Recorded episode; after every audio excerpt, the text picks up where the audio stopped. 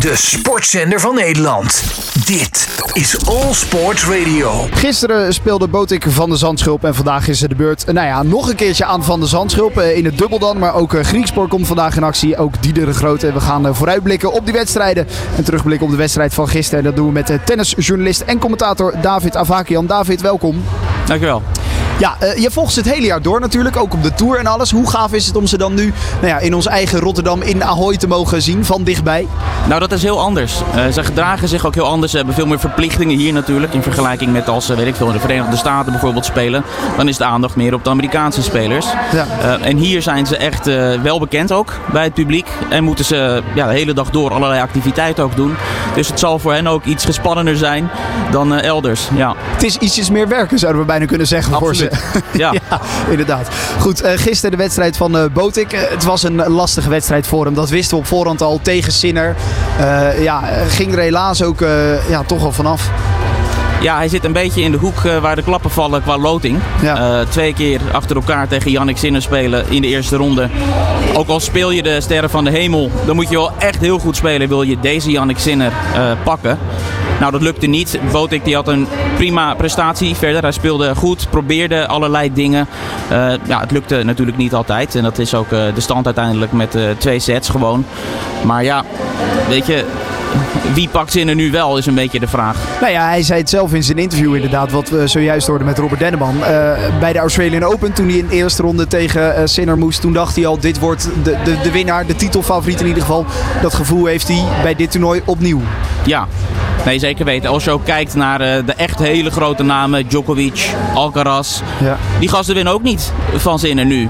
Dus om dan te denken dat Botik het wel zou doen nu. Ja, we hopen het natuurlijk als Nederlanders zijnde. Maar ja, moeilijk. Ja, het had, het had een mooi verhaal geweest natuurlijk ja. uh, voor Nederland inderdaad. Ja, wel moeilijk. Uh, toch zonde voor hem. Uh, dit is ook een toernooi waar hij natuurlijk naar uitkijkt. Als Nederlander in Nederland mogen spelen. Ja, en dan zo'n loting om je oren krijgen. Ja, enerzijds is het natuurlijk zuur. Anderzijds, er staat ontzettend veel aandacht op die partij. Dus ja. er zullen heel veel meer mensen naar deze wedstrijd kijken dan als Botik ja, een prettigere loting had gehad. Dus het is maar hoe je het uh, bekijkt. Uh, ja, het is echt wel een, een, match of the day op deze manier. Zeker, nee, het was prachtig ja. op het centercourt. Het was uh, nou, vrij vol al en dat voor een woensdagavondwedstrijd. dat, nou ja, inderdaad. Het was een mooie sfeer, maar goed, zonde van het resultaat voor hem in ieder geval. Zinner, titelfavoriet? Ja, op dit moment overal waar Sinner heen gaat, zeker op hardcourt, is die favoriet. Op gravel moeten we het nog zien. Daar moet hij echt nog wel wat uh, dingen gaan uh, aanvullen in zijn spel. Maar ja, Sinner kennende met dat team dat hij heeft, uh, hij is overal aan het, mee aan het werken. Hij is eigenlijk sinds de Australian Open niet eens naar huis geweest. Hij heeft zijn ouders nog niet gezien. Hij voelt nu, ik sta ze te raken als, ja, als een gek, om het zo maar te zeggen. Ja dit is niet het moment om even rust te nemen, om eventjes andere dingen te doen. Nee, doortrekken, knallen.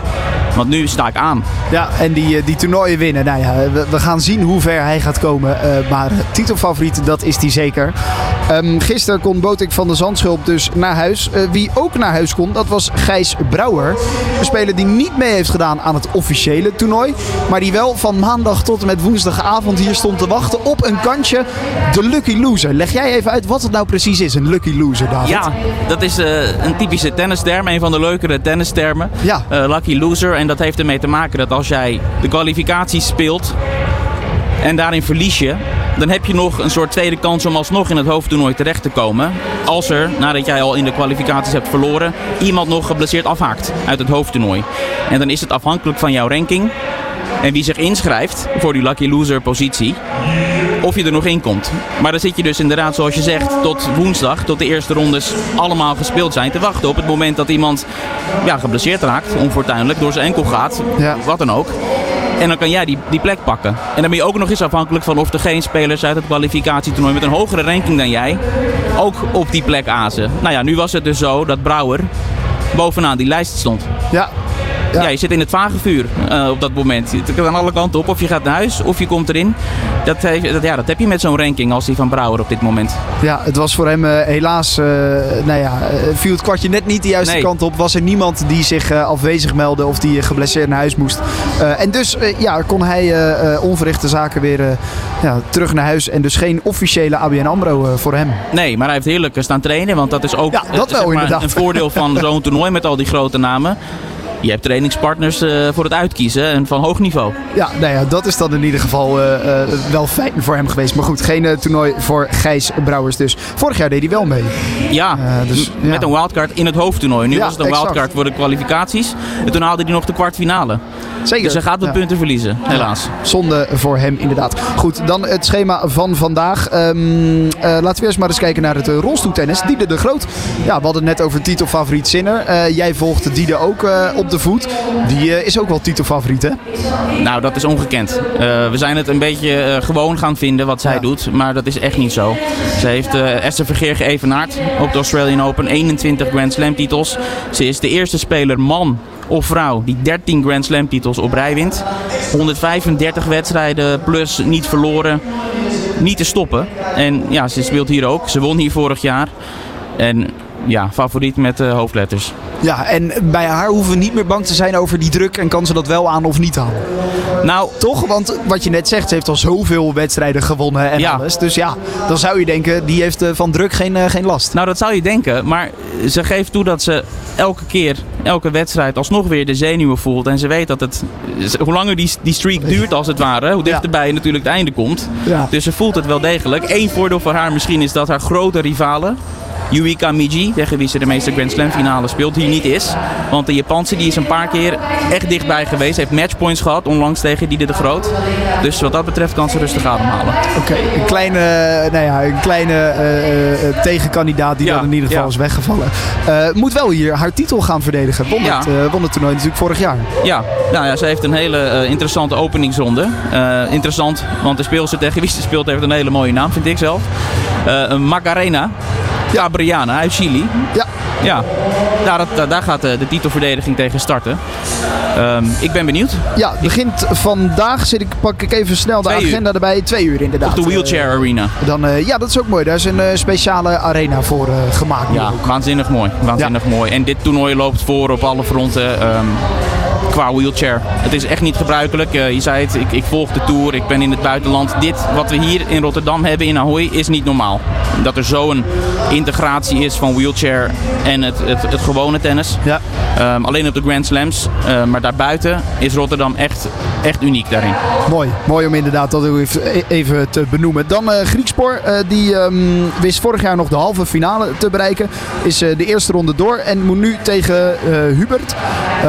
Hubert Hoerkas. Ja. ja, wat zijn zijn kansen vandaag op nou, die wedstrijd? Ze hebben een hele, hele interessante head-to-head. Dus een onderlinge balans. Het is 2-1 in het voordeel van de Pol. Ze hebben drie keer tegen elkaar gespeeld vorig jaar. Op gravel, op gras en op hardcourt. Dus ze weten alles van elkaar. En het is elke keer naar een beslissende set gegaan. Elke keer tiebreaks. Nou, iets anders wat ze nu overeen hebben is dat ze beide in hun eerste partij hier matchpoints hebben overleefd. Hurkac tegen Lehechka, Griekspoor tegen Musetti. En die treffen elkaar nu. En het zijn twee spelers die in tiebreaks ontzettend goed staan te spelen dit jaar. Dus ik vermoed dat er tenminste één tiebreak zal komen. En dan gaan we even beslissen wie de, wie de echte tiebreak koning is. Oké dan, dat gaat een lange wedstrijd worden. Dat, ja, misschien wel snelle punten, maar ik, ik vermoed dat er zeker wel een tiebreak gaat komen. Ja, ja oké. Eh, een mooie wedstrijd dus ook. Uh, op het uh, hoofdpodium op de centercourt ja. vandaag. En als laatste middagpartij zal die wedstrijd gespeeld gaan worden. En dan hebben we natuurlijk nog als dubbel van de Zandschulp. Die, omdat hij gisteren verloor, vandaag weer gelijk door mag in het dubbeltoernooi. Ja, tegen Bublik Muzetti, wat een uh, ontzettend vermakelijk uh, duo is. Die hebben gisteren ook fantastisch staan genieten met z'n tweeën. Uh, als er een manier is om dat terug te zien voor de luisteraar, zoek dat op. Want dat zijn twee hele, hele speelse, vrolijke gasten met ontzettend veel talent, handjes. En dat belooft echt wel een spectaculaire partij te worden tegen Hazen van de Zandschop. Ja, waar kijk jij vandaag het meest naar uit? Toch Griekspoor? Ja, Griekspoor. Ja, Griekspoor. Toch wel. Ja. Kijken hoe hij nou ja, tegen die geduchte concurrent het gaat doen. Dat ja. is toch ja. Spannend.